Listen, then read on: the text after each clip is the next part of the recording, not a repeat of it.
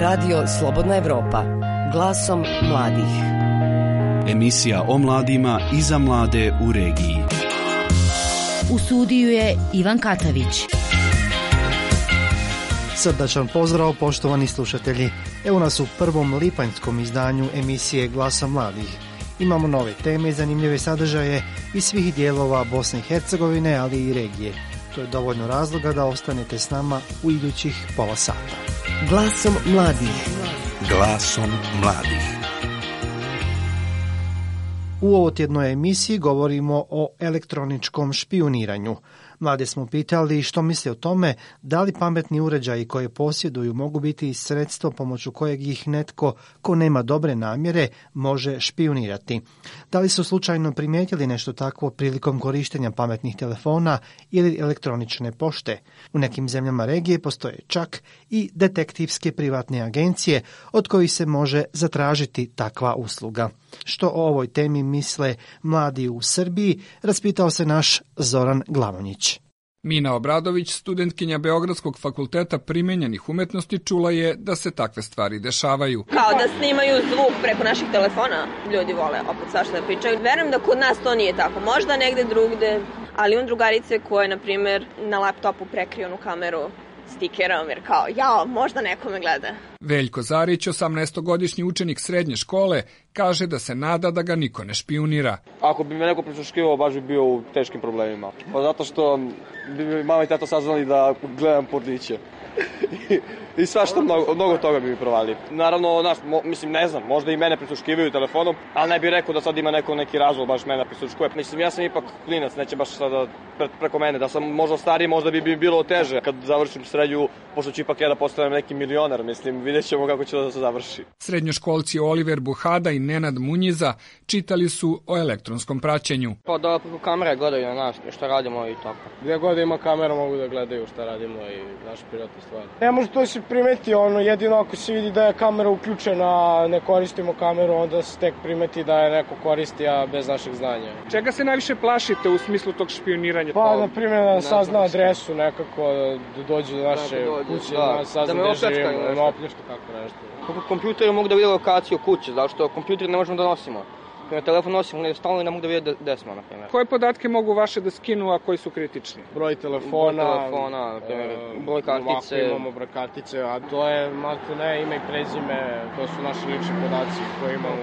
Koliko je to opasno, jel brinete o tome ili ne? Pa, nije velika. Ne, Nismo mi jedini koji, ono, koji koriste ima telefone. Ima mnogo ljudi, ima mnogo ljudi. Šans, šanse da neko baš nas izabere male su. Filip Krajčević, beograđanin sa završenim fakultetom, smatra da se oko elektronskog špioniranja samo diže mnogo buke. Ja se lično osjećam ugroženim. Smatram da su te osnovne mere koje same elektronske mreže pružaju su meni za sada dovoljne. Neke posebne da se još time bavim, odvojem vreme da bi se time bavio, ne, to ne preduzimam. Najkritičnije može da bude upotreba platnih kartica. Sad mi deluje da je nekako najviše, najviše čovjek tu može da bude ugrožen u domenu novca, plaćanja i tih stvari. Prosto ne osjećam se da bilo koja informacija je dovoljno bitna da bi mogla da se zloupotrebi ili nemam jednostavno, nisam još dovoljno prešao u svet elektronskog života u smislu plaćanja, deljenja informacija, ličnih dokumenta, tako da s te strane ono... Za Radio Slobodna Evropa iz Beograda, Zoran Glavonjić. Mladi u Bosni i Hercegovini smatraju da je elektroničko špioniranje u današnje vrijeme sve prisutno i da se teško boriti protiv toga. Mišljenja su da pametni uređaji prate sve više aktivnosti, te da aplikacije traže sve više pristupa vašim podacima, ali isto tako upozoravaju da ljudi sami otkrivaju previše osobnih podataka na društvenim mrežama koji se mogu zloupotrijebiti. Sa mladima u Banja Luci razgovarao Gojko Veselinović. Slađan Nedić, student farmacije, kaže da je upoznat sa mogućnostima špioniranja i krađe podataka putem pametnih uređaja. Iako priznaje da sam nije nikada primijetio niti doživio nešto tako, ističe da pojedini algoritmi na društvenim mrežama i aplikacijama koriste metode pomoću kojih znaju o čemu govorite, šta vas zanima i to vam onda nude. Čitao sam na internetu, sad ne znam koliko je to validno i koliko je to provjereno, međutim čitao sam pogotovo preko smart telefona, međutim preko smart ovih televizora tako da sam upućen sad ne znam koliko je to kod nas zastupljeno, ali pretpostavljam da jeste u neku ruku. Da li si ti kad nešto tako primijetio kod sebe prilikom korištenja? E, jesam, međutim, ono sve sam to pripisivao nekom algoritmu na internetu, ako pričam o nečemu i nakon toga na internet naletim na taj članak, konstantno mi se izbacuje nešto vezano o tome što sam ja pričao. Jesam, međutim nisam nikad posumnio da bi to zaista moglo biti. Kako se može boriti protiv toga? Pa to treba krenuti dakle od ajmo reći od policije, odnosno tog dijela koji je zadužen za cyber kriminal, tako da ne znam kako bi ja mogao se boriti protiv toga, pošto sam konstantno na telefonu i izložen svem i svačim, tako da mislim da država nas trebala zaštiti u neku ruku od toga. Programjer Sara Kukić kaže da je dovoljno uključiti lokaciju na pametnom uređaju da bi neko saznao kuda se krećete i gdje se nalazite u svakom trenutku. Znam da policija ono ima, mislim, kako bi rekao, oni mogu da vide u bilo koji trenutak gdje se ja nalazim, to je gdje se ovaj moj telefon nalazi, gdje se ja nalazim, gdje se krećem i sve to.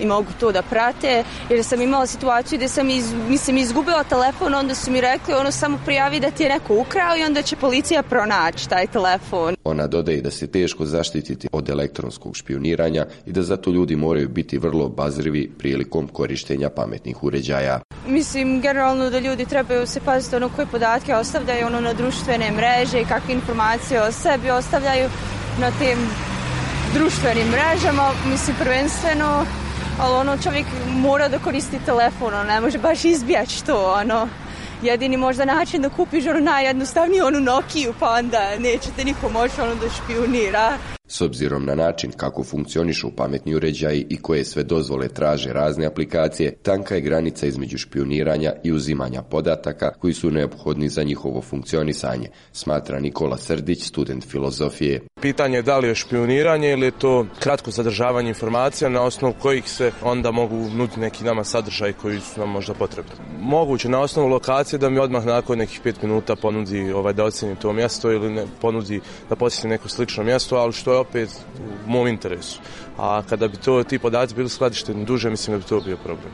Na koji način se može zaštititi od toga? Upravo tim dozvolama, time da li želite to da koristite ili ne želite. A mislim da bi sami proizvođači trebali da obrate pažnju o tome koje stvari traži, da li su stvarno potrebne. Stefan misli da zaštita od elektronskog špioniranja ako koristite pametne uređaje ne postoji. Ako odlučite da koristite pametni telefon, da zaštite nema. To je sad tako. E sad, da se neko odluči da ne koristi telefon, to mislim da je teško. Tako da jednostavno smo osuđeni na to i ono, ne vidim rješenje neko sad brzo.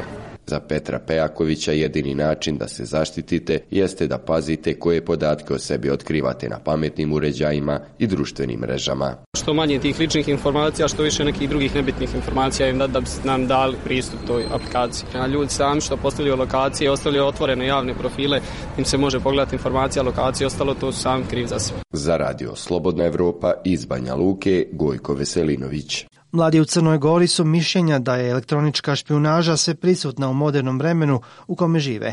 Također dodaju da se u Crnoj Gori malo vodi računa na nivou odgovornih institucija o samoj zaštiti. O elektroničkoj špionaži se isključivo informiraju preko medija i vršnjaka. Zabilježila Lela Šćepanović. Nikšićke gimnazijalke nemaju lično iskustvo sa elektronskom špionažom, ali postoji strah u njihovoj generaciji od svih pametnih uređaja koje koriste?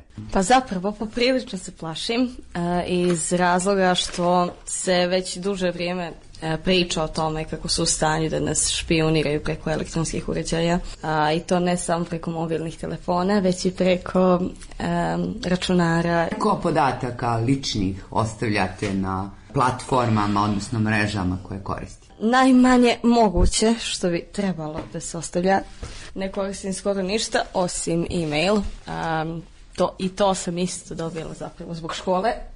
Bar u moje, moje generacije taj kao strah i svi znaju za to da kao postoji ta mogućnost, ta teorija da u stvari špioniraju ljudi preko elektronskih uređaja. Vaše ime? Marijana Ilić. Njena drugarica, Nikolija. Nisam imala iskustvo. Normalno čujem priče i često se dešava, tako da od, od vršnjaka, od ostalog društva da imaju problema i ljudi i profesora starih koji nam konstantno skreću pažnju na to. I da je teško se sačuva od toga. Za razliku od gimnazijalki, njihove starije kolege, student Filozofskog fakulteta u Nikšiću, Balša i Aleksandar, absolvent na Beogradskom elektrotehničkom fakultetu, objašnjavaju da je neophodno osnovno poznavanje da bi se sprovela kakva takva zaštita od elektronske špijunaže. To je nekako zabadanje nosa u nečiju privatnost, što nije Osim ako je, recimo, ne znam, borba protiv kriminala, ali opravda sa već nekim dokazima, Šta to je mislite, već u nešto kakvom drugo. svijetu živimo? Mislim, nego pogleda mladog čovjeka, mislim da je baš dobra era. Naravno, kao i sve, ima neke svoje loše strane, tako da naučiti da se čuvamo od toga. Pa vi ste? Aleksandar Andrijašević. Solvent na softverskom inženjerstvu. Samom kupovinom uređaja smo pristali da dajemo određene podatke kompanijama koje stoje iza uređaja i određenih aplikacija koje su tu instalirane. Nisam siguran da domaće službe koriste te podatke niti da mogu tako jednostavno da ih dobiju. A neke druge službe ne ulaze u našu intimu? Svakako, ali niko nas neće rada, nužno koristimo pametne uređaje. A da li se danas može bez tih pametnih uređaja? Ja lično mislim da može. Pa jeste imali možda neko lično iskustvo? Imao sam koje nije vezano direktno za to, već koje je vezano za neke softverske prevare. Pošto ste vi u struci, koliko običan čovjek koji ne zna toliko o tome može od toga da se zaštiti? Mlad čovjek. Neka vrsta obrazovanja je neophodna u tome kako koristimo savremene tehnologije i aplikacije. Cijenim da većina korisnika ne čita apsolutno uh, o samom privacy policy određene aplikacije koje instaliraju, koje vrlo često zahtijevaju više podataka nego što je potrebno od tog korisnika. Aleksandra objašnjava. Tako da mislim da na ovom podneblju to nije dovoljno zastupljeno jer nismo dovoljno interesantni što se tiče valorizacije. Mislim da živimo u previše transparentnom vremenu u kojem sami smo krivi za to što smo pretransparentni. Iz Podgorice, za radio Slobodna Evropa, Lela Šćepanović. Radio Slobodna Evropa. Glasom mladih. Emisija o mladima i za mlade u regiji. Sada prelazimo na druge teme. Međukulturalno razumijevanje i suradnja mladih naziv je projekta koji je okupio više od 50 studenata sa svih javnih univerziteta u Bosni i Hercegovini. Studenti su u šest mjeseci koliko je projekat trajao posjetili značajne institucije kulture i umjetnosti u Sarajevu, Mostaru, Banja Luci, Tuzli, Tešnju i Trebinju. Kroz druženje i međusobnu suradnju uvjerili su se u značaj i bogatstvo kulture u Bosni i Hercegovini. Tema Amira Purića. Mariji Raspudić, studentici turizma na Univerzitetu Džemal Bijedić u Mostaru, najviše se dopala mogućnost da kroz projekt upozna mlade iz raznih gradova, što je, kako kaže danas, rijetka prilika u Bosni i Hercegovini. Mislim da se vlasti u Bosni i Hercegovini ne trude da spajaju mlade i ovaj projekat je jedan od pozitivnih primjera koji to potiče, jer samo kroz spajanje, kroz upoznavanje jedni drugi možemo da bolje jedni druge razumijemo i da tako e, napravimo neki napredak. Studentica prava iz Banja Luke Jovana Stanojević je, zahvaljujući studijskim posjetama u sklopu ovog projekta, prvi put bila u Mostaru, za koje kaže da je Ustrebinje najljepši grad u Bosni i Hercegovini. Tek kad sam obišla neke dijelove naše zemlje u kojima nisam prije bila, shvatila da je u stvari ona izreka koja kaže upoznaj svoju zemlju da bi volio stvarno tačna. Mislim da bi e, mnoštvo naših problema generalno kao zajednice nestalo ako bi se malo više okrenuli kulturi. Projekt kojeg implementira Fakultet političkih nauka u Sarajevu pod pokroviteljstvom UNESCO-a službeno završava, no studenti će nastaviti raditi na zborniku eseja u kojima će dati svoje viđenje položaja i rada institucija kulture u Bosni i Hercegovini. Također ponudit će prijedloge kako da se kultura dalje razvija u funkciji mira i dijaloga, ističe Sarina Bakić, profesorica na Fakultetu političkih nauka u Sarajevu. Vrlo važna poruka ovog projekta koji je mali, ali nije e, neznačajan, jeste u tome da su mladi uvidjeli da dijalog kroz kulturu jeste jedan od načina kako mi možemo razvijati naše društvo neovisno od strane jeli nekih faktora kada mnogi ljudi govore jeli kulturu ćemo poslije ekonomije, politike, jeli sve to. Uvidjeli su i dokazali neka naša promišljanja, promišljanja sociolo, sociologa kulture i umjetnosti da bez kulture nema razvoja jednog društva. Saradnja između univerziteta u Bosni i Hercegovini je dobra, no projekti poput ovog su jako rijetki, kaže Sanja Burić, prorektor za kulturu, umjetnost i sport Univerziteta u Sarajevu. Ona se nada da će upravo ovaj projekt biti prekretnica nakon koje će saradnja studenata biti na višem nivou nego je to do sada bio slučaj. Bosna i Hercegovina ima izuzetno veliko kulturno nasljeđe i mislim da je lijepo da se svi studenti šitave Bosne i Hercegovine susretnu, da se upoznaju, da razmijene svoja iskustva i svoja mišljenja i da na neki način svako uspije predstaviti svoje područje gdje živi, svoj region i da predstavi kulturno nasljeđe svog područja i svog regiona i mislim da imaju mnogo mnogo toga za podijeliti. Da svako mjesto u Bosni i Hercegovini ima šta za ponuditi, potvrđuje i Anes Hođić, student međunarodnih odnosa u Sarajevu. On je svoje kolege studente iz cijele Bosne i Hercegovine u sklopu ovog projekta proveo po rodnom tešnju. Tek tad sam vidio svoje mjesto drugim očima kad, kad pričate sa ljudima koji nikad nisu tu bili i koji vide neke stvari pored kojih vi redovno prolazite, ne pridajete im pažnju. Tek tad shvatim koliko, ne samo teše, nego čitava Bosna i Hercegovina, koliko smo mi bogati kulturom, umjetnošću, zaostavštinom, a da toga često nismo ni svjesni. Iz Sarajeva za Radio Slobodna Evropa, Amir Purić. Glasom mladih. Glasom mladih. U potrazi za poslom, ali i sigurnijom budućnošću, mnogo mladih napustilo je Bratunac.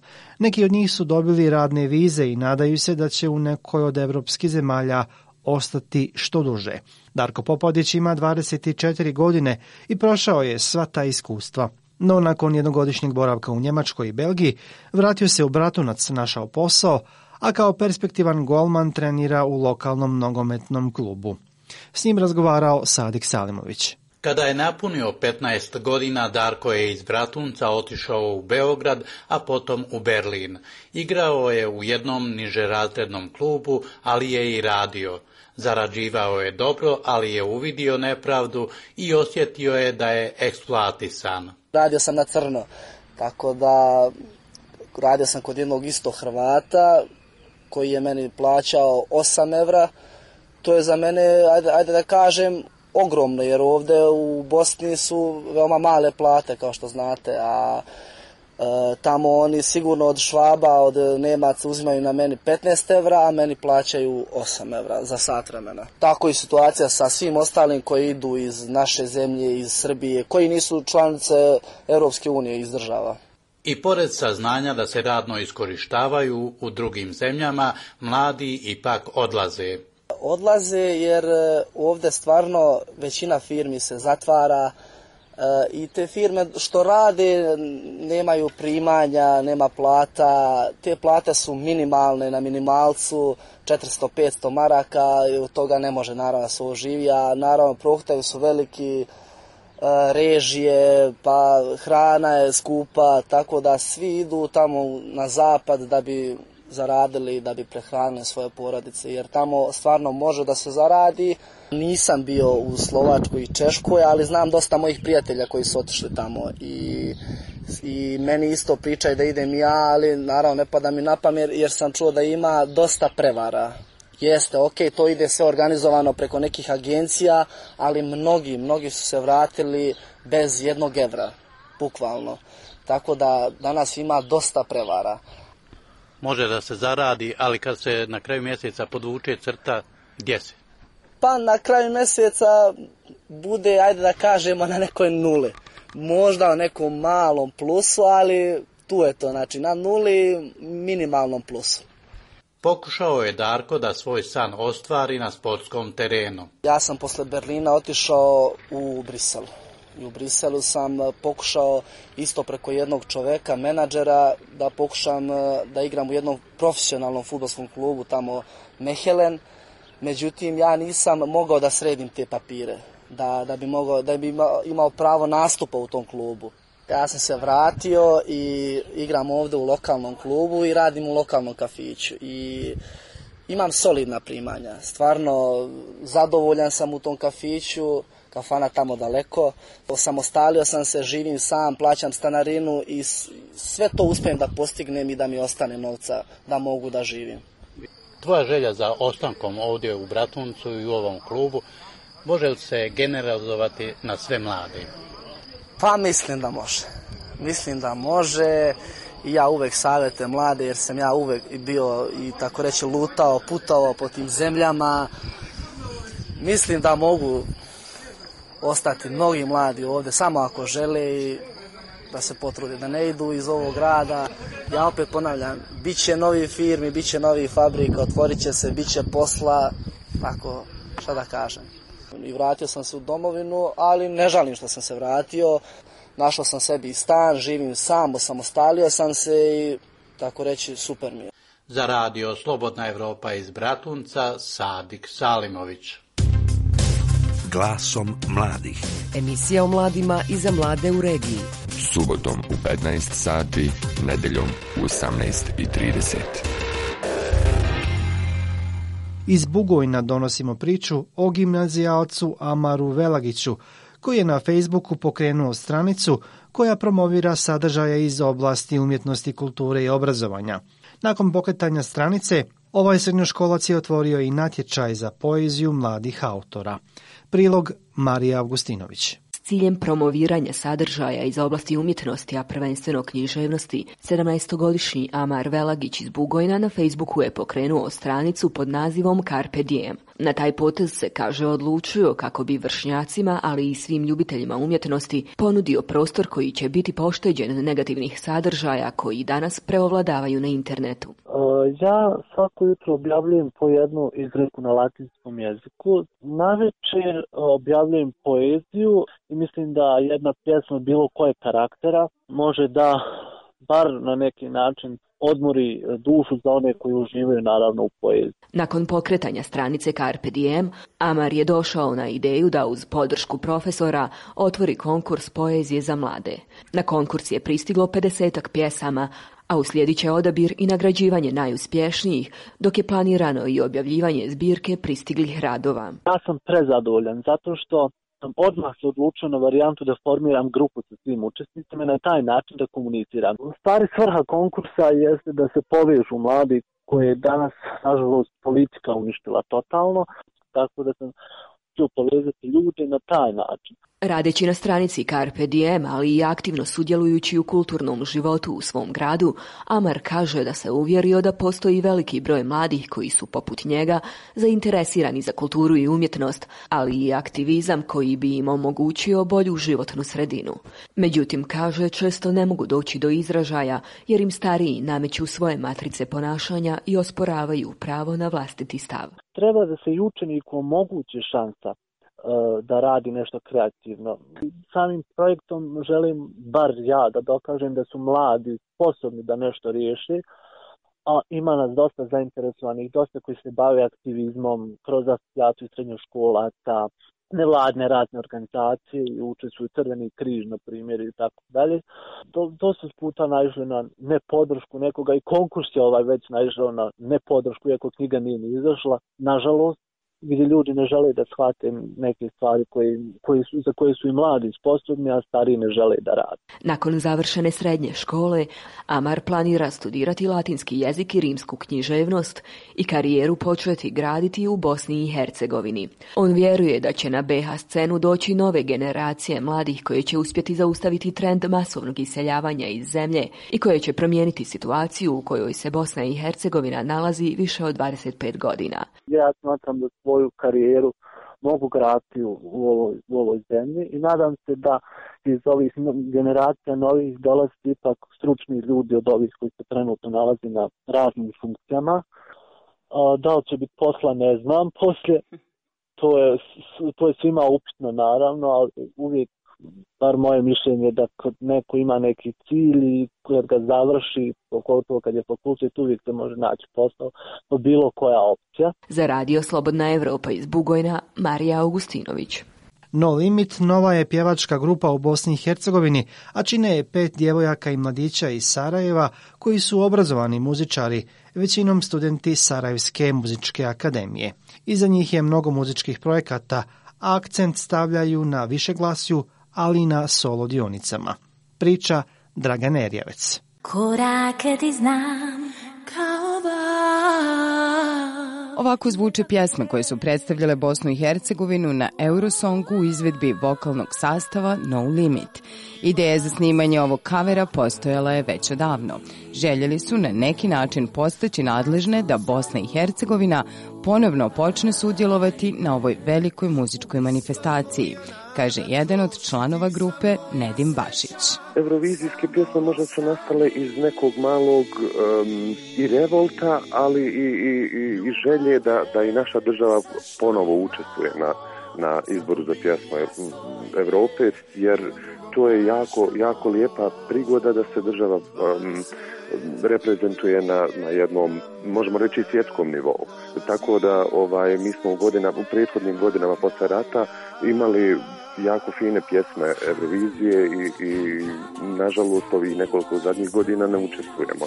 Tako da smo i mi htjeli da, da, da podsjetimo i državu i ljude koje vode ovu zemlju da trebali bi i mi da učestvujemo tu i da damo, damo svoj doprinos i da smo imali jako lijepe pjesme Eurovizije. Andreja Krasnić, članica grupe No Limit, o samom projektu Eurosong Mix kaže Ideja nije bila, mislim, samo moja, to je bila naša ideja, međutim ja sam bila ta koja je napravila pritisak da se to zaista snimi, jer mi smo već ovaj Eurosong napravili prije nekih godinu i pol, jer mi smo to htjeli još i prošle godine kada je, bila, kada je bio Eurosong, međutim, eto, kažem, zbog obaveza naših nisu stigli i onda sam ja zaista prije nekih mjesec dana rekla, ljudi, vrijeme, mislim da imamo jako dobar proizvod. Tako da sam ih pritisnula, ušli smo u studiju za jedan dan smo to snimili, znači i vokale i spot smo za jedan dan radili i izbacili drugi dan, tako da mislim da se zaista isplatilo, dobar je feedback. Each morning I get up, die a little, can barely stand on my feet. Grupa No Limit formirana je krajem 2014. godine. Do sada su radili na muziklima, mnogim grupnim i solo projektima. Vole a kapela pjevanje, ali rado nastupaju i sa muzičkom pratnjom, ističe Andrea. Mi smo se svi upoznali uh, kad smo radili prije pet godina Footloose. Ajsala, uh, Alan, Negra i ja smo se upoznali i tad smo posle tog muzikala odlučili da se krenemo zapravo baviti predstavljanjem muzikala i kasnije nakon nekih pola godina se priključio i Nedim i tako je zapravo i sve krenulo. Zašto a kapela? Mi ne radimo potpuno samo a kapelu, radimo i sa maticama, tako, mislim, imali smo jednu probu, sjedli smo onako bez veze, ja sam počela nešto da pjevam, svi su postali priključili u harmoniju, nama se super zvučalo i onda smo odlučili zašto ne da osnujemo neku vokalnu grupu i da se bavimo time. Do sada su obradili mnoge domaće i svjetske hitove, ali imaju i autorske kompozicije, objašnjava Nedim. Pa repertoar nastaje nekako spontano, ideje, ideje naravno dolaze i nadolaze, a lakše je kada tu ima pet članova da, da se da se i, i, i neka ideja um, realizuje jer ako jedno ima ideju, drugo odma na tu ideju ima još jednu i tako da je vrlo lako doći do ideje, ali je možda nekad malo teže ukomponovati sve da bi bili svi zadovoljni i da bi došao taj finalni proizvod koji svi tako željno iščekujemo. Da se probudi mi Oboje se slažu kako se u današnje vrijeme u Bosni i Hercegovini nije lako baviti muzikom. Vrlo je teško, međutim ne treba odustajati, mi zaista ne odustajemo, mi smo željni uh, mislim, realno mi ne možemo živjeti od ovoga, zato svako od nas i radi ovaj, svoj posao, ali nekako uvijek postoji neka nada u nama da će se to nekako promijeniti i da će zapravo svako ima svoju publiku. Mislim da je to uh, ključno, tako da mi zaista imamo svoju publiku, svi ostali žandovi imaju svoju publiku, tako da mi ne, nećemo odustajati. No limit, kako samo ime kaže, nemamo granica, tako da i planovi koje imamo u narednom periodu nemaju granica. Naravno, uh, imamo, imamo dvije autorske pjesme i radit ćemo isto i na autorskim pjesmama i već sada imamo neke ponude za jako zanimljive suradnje od naših regionalnih bendova i solista, tako da spremamo, spremamo zanimljive kombinacije, zanimljive projekte. I Sarajeva za Radio Slobodna Evropa, Dragan Erjevec. Samo doživi još jedan dan, novi dan, ja samo osjetim Bila je to još jedna emisija Glasom mladih. Hvala na pozornosti. Iz Sarajevskog studija pozdravljaju vas Enes Hrničić i Ivan Katavić.